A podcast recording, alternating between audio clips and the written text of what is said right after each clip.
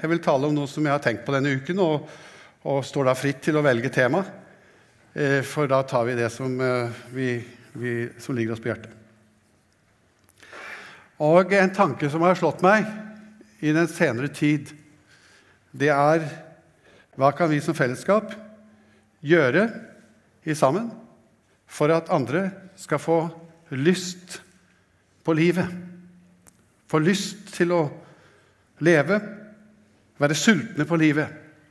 Og Bakgrunnen for at jeg har tenkt en god del på dette, det er at vi enkelte ganger møter mennesker som sliter som sliter veldig mye, kanskje med angst. 20-25% av befolkningen sliter på denne måten. Og om det er sant, slik som statistikken sier, så er det en stor sannsynlighet for at det her i denne forsamlingen er en del som sliter. Eller iallfall som kjenner noen som har det vanskelig. Noen som kan, kan være inne i angstens mørke. Noe som, eh, noen som har kontakt med noen som sliter, i hvert fall.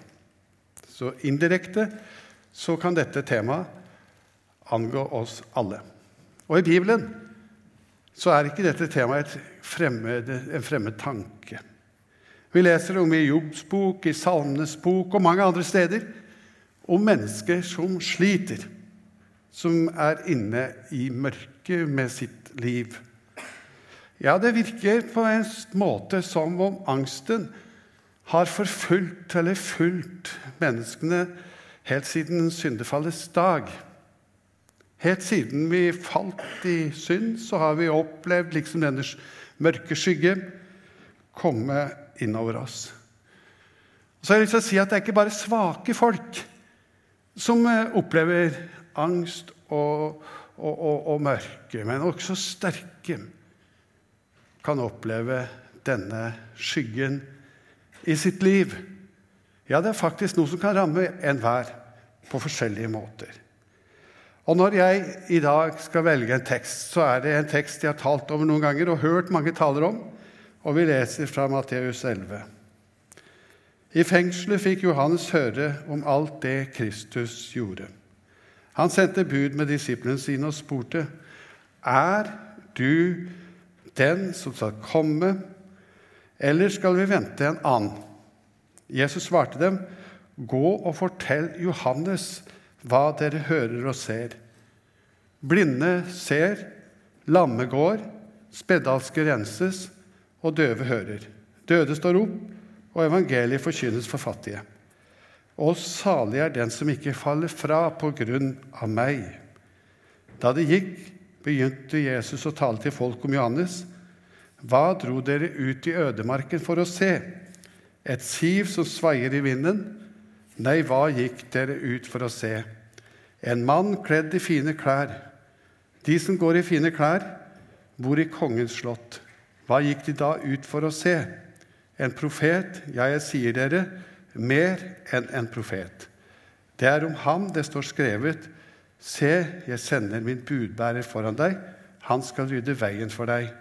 Sannelig, jeg sier dere, blant den som er født av kvinner, har det ikke stått frem noen større enn døperen Johannes. Men den minste i himmelriket er større enn han. Bakgrunnen for denne teksten den kjenner dere, men jeg kan minne litt om det likevel. Han var ca. 30 år gammel, men allikevel var han i slutten av sitt liv. Døperen Johannes har en særstilling i kirkens historie. Blant dem, står det i teksten, som er født blant kvinner, så er han den største. Finner ikke noe større enn døperen Johannes. Han var en del av Guds store frelsesplan. Det vet vi også. Og vi vet at denne mannen han levde av vill honning og gresshopper, og han var kledd i en kamelkappe. Han preket et vekkelsens budskap der ute i ødemarka. Og han var et realt mannfolk som ikke snudde kappa etter vinden. Han turte å stå for sine standpunkt. Han refset sjølve Herodes fordi han levde i hor med sin brors hustru, står det, sjøl om det var forbundet med livsfare. Og dette var en direkte årsak til at han var i fengsel. Men han fikk også lov til å ha denne store oppgaven å døpe Jesus. Og det var han som preka budskapet 'Se der Guds lam som bærer verdens synd'. Denne forkynneren, denne mektige vekkelsens mann, kan vi si, mannen med stor M, vil jeg gjerne si, og jeg kunne gjerne ha sagt mye om det. Jeg syns han er en, et realt mannfolk på så mange vis. En slags Lars Monsen som levde der ute i ødemarken. Jeg liker han veldig godt, men jeg har ikke tid til å gå inn på det. Men nå var altså han, nettopp han, satt inn i fengsel, i det mørkeste fangehull. Han var tatt til side. Og det kan se ut som mesteren, altså Jesus, slektningen hans, han som han egentlig har gitt sitt liv for, han hadde ikke tid til å besøke ham heller. Der satt han i ensomhet og hørte at det gikk veldig bra med Jesus. Han gjorde veldig mye godt fortsatt. Han oppvakte enkens sønn, står det like foran dette, og disse ting hørte han om. Og Så sitter han der i fengselet. Og så kanskje han kommer inn i en slags mørke med sitt liv. Han også. Og så, og så begynner han å få en slags grunnleggende eller fundamental tvil, tror jeg, i sitt liv. Så spør han er du den som skal komme, eller skal vi egentlig vente på en annen? Det er noen som tolker spørsmålet litt annerledes og sier at dette var bare en slags pedagogisk eh, uttrykk som han gjorde overfor sine disipler for å få dem til å gå til Jesus. Han ville sende disiplene sine til Jesus, og derfor så bort fra seg selv og bort til Jesus. Det er slik Luther tolker dem. Han sier at dette er et vidunderlig vitnesbyrd, sier Luther om at døperen fortsatte å peke på Jesus sjøl om han var i det mørkeste fangehull. Det er en god tanke. Jeg vet ikke. Jeg tror at det var dyp, et dypt mørke i døyperens liv. Men jeg tror begge de to tankene går an å kombinere. Det går faktisk an for et menneske som er i dypt mørke, som er i angstens fangehull, å peke på Jesus. Det kan hende at det er nettopp da en kanskje gjør det på en best mulig måte. Jeg vet ikke, men jeg tror at det er ikke noen motsetning mellom disse tingene. Den sterke og stødige ja, den største blant som er født av kvinner, han tror jeg nå var ført inn i tvilen og anfektelsens skole. Han er altså et eksempel på at sterke menn kan komme inn i det dypeste mørket. Det skal du huske på. Det går an for sterke menn å bli redde. Angsten og usikkerheten kan gripe fatt i våre hjerter. Og kanskje er det slik at de enkelte steder i verden så er det kristne sine kår av en slik karakter at angsten og redselen griper dem ekstra sterkt. Luther, som jeg nevnte, han bruker et bilde fra denne teksten. Han sier at hvis du skulle ha bløte klær, sier han, fine og myke og gode klær, ja, da går du til kongen, så er det kongens slott, som det står i teksten her. Men døperen Johannes, sa han, han var kledd i en rå, hard kamelkappe. Og hva betyr det, sier han. Jo, det betyr det at hans livsvilkår det var ikke så veldig gode.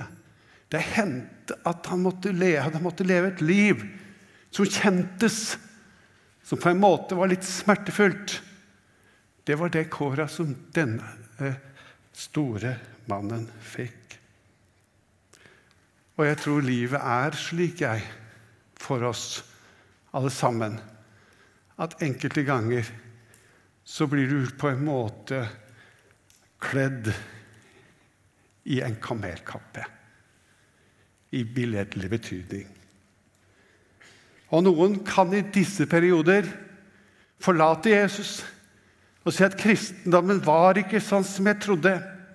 De vil ta anstøt av han og si at nei takk, er kristendommen slik at jeg blir forfulgt, at jeg blir mobbet på skole eller som kristen, ja, da er det veldig vanskelig for meg å være en kristen.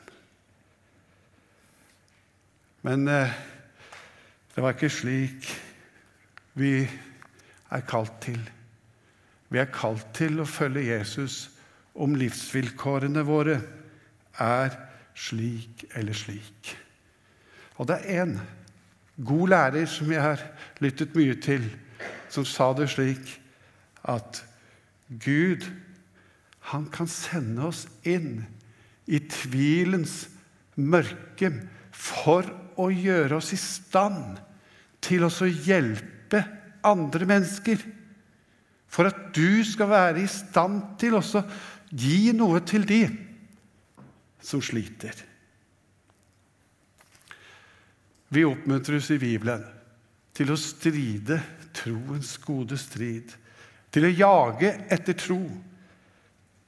Det står i 1. Timoteus 6,11.: Men du, Guds menneske, hold deg borte fra dette og jag etter rettferdighet, gudsfrykt, tro, kjærlighet, utholdenhet og ydmykhet. Strid, troens gode strid. Det ble denne unge mannen, Timoteus, formanet til. Ikke til å bare liksom oppleve at det skulle være fryd og gammen. At det bare skulle være en dans på roser. Men han sier, 'Du kalles. Du kalles til å slåss, til strid, til kamp.' Og kjempe troens gode strid. Det inviteres du til. Og grip det evige liv som du er kalt til, det som du bekjente deg til, og du bar fram den gode bekjennelse for mange vitnesbyrd med vitner. Noen gode råd for at du skal holde troens skjold på en måte høyt oppe. Hør på vitnesbyrden fra de som har gått foran, sier Bibelen noe om. Det er en sky av vitner som har levd kristenlivet før. Og hør hva de har å si. De som har virkelig kjempet, de som har stridd troens gode strid, og som har fullført løpet. Det finnes tusenvis av dem. Spør dem, og tenk og les om dem, og hør hva slags kår de hadde i denne verden. Mange av dem måtte virkelig kjempe for sin tro. Og så står det at vi skal se på troens opphavsmann og fullender Jesus Kristus. Se på han, så du ikke skal bli trett når du kjemper, når du strir. Se på Jesus, rett blikket ditt mot han. Og så det tredje øs ut din smerte for Jesus, for Gud. Sånn som Johannes. Han sendte sine tvilsspørsmål til Jesus.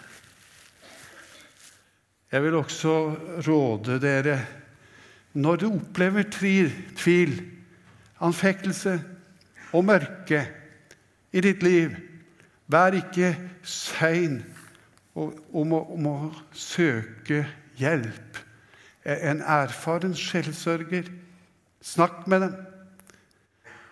ta kontakt, så er det noen som kan gå i lag med deg. Den stubben som livet kanskje er mørkest. Og så det femte som jeg har lyst til å si Vær forberedt på at det å være en kristen, sjøl om du er en kristen, så er du ikke skånet for problemer og lidelser. Jeg leser det verset fra Hebreerne 12. Derfor, når vi har en stor sky av vitner omkring oss, så la oss legge av alt som tynger, og synden som så lett fanger oss inn, og med utholdenhet fullføre det løpet som ligger foran oss, med blikket festet på ham som er troens opphavsmann og fullender, Jesus, for å få den gleden han hadde i vente, holdt han ut på korset uten å bry seg om skammen. Og nå har han sett, satt seg på høyre side av Guds trone. Ja, tenk på ham som holdt ut en slik motstand fra syndere, så dere ikke blir trette og motløse. Tenk på Jesus når det er mørkest og vanskeligst for deg. I Salme 62 står det sånn Hos Gud er min frelse og min ære, min mektige klippe, min tilflukt er hos Gud. I angstens dypeste mørke skal jeg få lov til å vende meg mot Gud med mitt rop. Og han bøyer sitt øre til meg og hører hva står det, de hjelpeløse ønsker. Ikke hva vi klarer å forme med ord og fine setninger, men han bøyer sitt øre ned og hører hva vi ønsker. Han hører de sukk som er ifra vårt hjerte. Stol på Han, dere folk, og øs ut hjertet for Han. Vær ikke redd for å fortelle Gud om dine innerste smerter. Men så er det da Jesus' svar i denne teksten som vi nå har foran oss. Hva var svaret som Jesus ga til døyperen der han satt i fengselet? Jeg syns det er så flott. Og se på det svaret. Si til Johannes det var liksom ikke sånn det, det, var rett og slett en dyp sannhet. Han ville formidle til Jesus inn, etter Johannes inn i angstens mørke. En realitet. På en måte en klippe som holder om alt annet liksom forsvinner, så er det noe som holder. Blinde ser, lamme går, spedalske renses, og døve hører, og evangeliet forkynnes for fattige. Hva er dette for noe? Hva er det? Jo, det er essensen av budskapet, profetiene, om Guds rike som skulle komme. Si til Johannes Guds rike er nær, er hos deg er her nå. Si det. For det var det som var kjennetegnet på at Messias skulle komme. At blinde skulle se, lamme skulle gå, spedalske renses, og døve hører, og evangeliet forkynnes for fattige. Guds rike er deg nær, Johannes, sjøl om du nå er i den dypeste mørke. Tenk det er så godt å kunne si. Det er jo helt fantastisk. Slik er det med Guds rike. Slik er det med frelsen. Det kommer til oss midt i den vanskelige situasjonen som vi står, og vi selv ikke kan gjøre noen ting. Slik er det også med dette, at Guds rike kommer til deg der du er. Det er altså slik at selv om de ytre kår er helt ja, mørke og dårlige og svarte, helsvart, sjøl om det er helsvart, så hindrer ikke det Jesus å komme deg nær til deg. Det hindrer ikke Hans ord å nå inn til deg. Og sjøl om du er svart og urein, så forhindrer ikke det at vår himmelske Far vil kunne ta omkring deg og velsigne deg. Om du har aldri så mye mørke og angst i ditt liv, så forhindrer ikke det Gud, som har all makt, og gjør det som er umulig, mulig. Det kommer inn nettopp til deg. Det er Guds rike som sprenger, som lyset i mørket, som sprenger seg vei lengst inn i det dypeste fangehull. Så en ting til. Også menneskelig nød, som vi kommer inn i. Det kan være med å føre oss inn til Jesus og være med og hjelpe oss til å, å hjelpe andre, som jeg sa så vidt her i stad. Tilbake til begynnelsen. Kanskje det er noen i forsamlingen her som sliter. Og det er stor sannsynlighet for at det finnes. På en måte skulle jeg ønske at de gjorde det. For hvis det er sant at hver fjerde eller hver femte har noen slike utfordringer, så håper jeg ikke at vi som er samlet her, at vi ser så vellykkede og prektige og sjølsikre og sterke ut at de som sliter, ikke kommer til oss. Det har hendt mer enn en gang. Det hender at vi må vise fram noen sår for at andre skal tørre å være i lag med oss. Hva kan vi i misjonssalen gjøre for at de som sliter på disse områder, som er inne i slike fangehull, skal få det lettere? Bli sultne på livet og bli møtt igjen og ført tilbake på en måte til livets kilde, som er Jesus. Det er jo han som er livets kilde.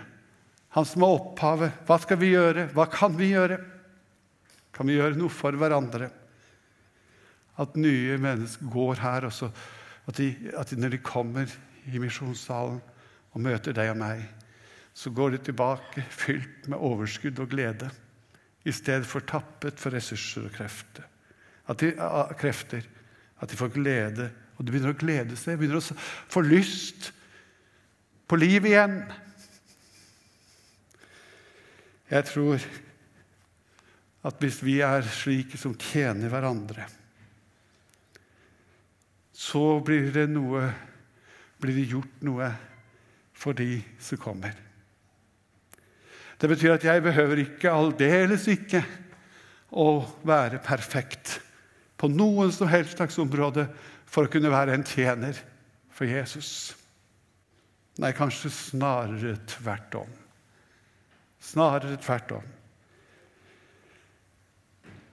Jeg har møtt noen mennesker i mitt liv som kanskje ikke har alt i orden.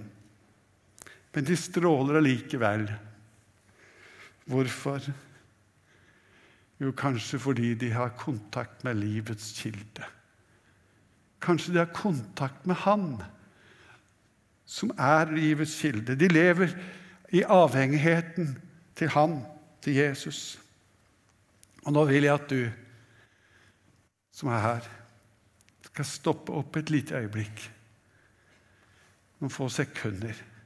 Og så skal du tenke på en person. Jeg håper at du finner en person. Kanskje en lærer, en leder, noen i familien. Som har betydd noe spesielt for deg når det var vanskelig. Et menneske. Tenk og takk Gud for han eller hun. Gjør det.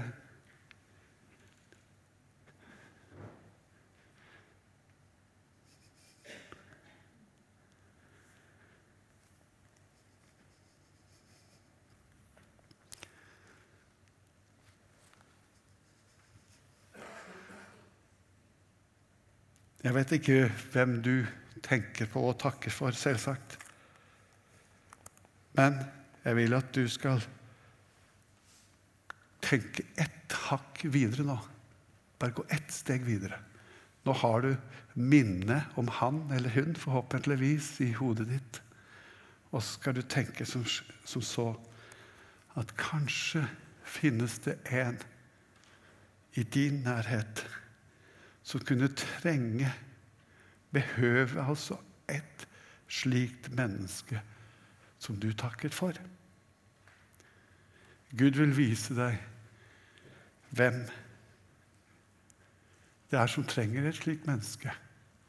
Og kanskje det er slik i kveld at nettopp du, som har møtt noen som har velsignet deg på en slik måte at du selv nå skal begynne å bli til velsignelse for en annen. Og slik skal Guds rike sprenge nye grenser. Inn i mørke hjerter og inn i fangerom. Ved at du stiller deg under Herrens velsignelse på en slik måte at du selv blir en slik person som du tenkte på i stad. Det er fantastisk.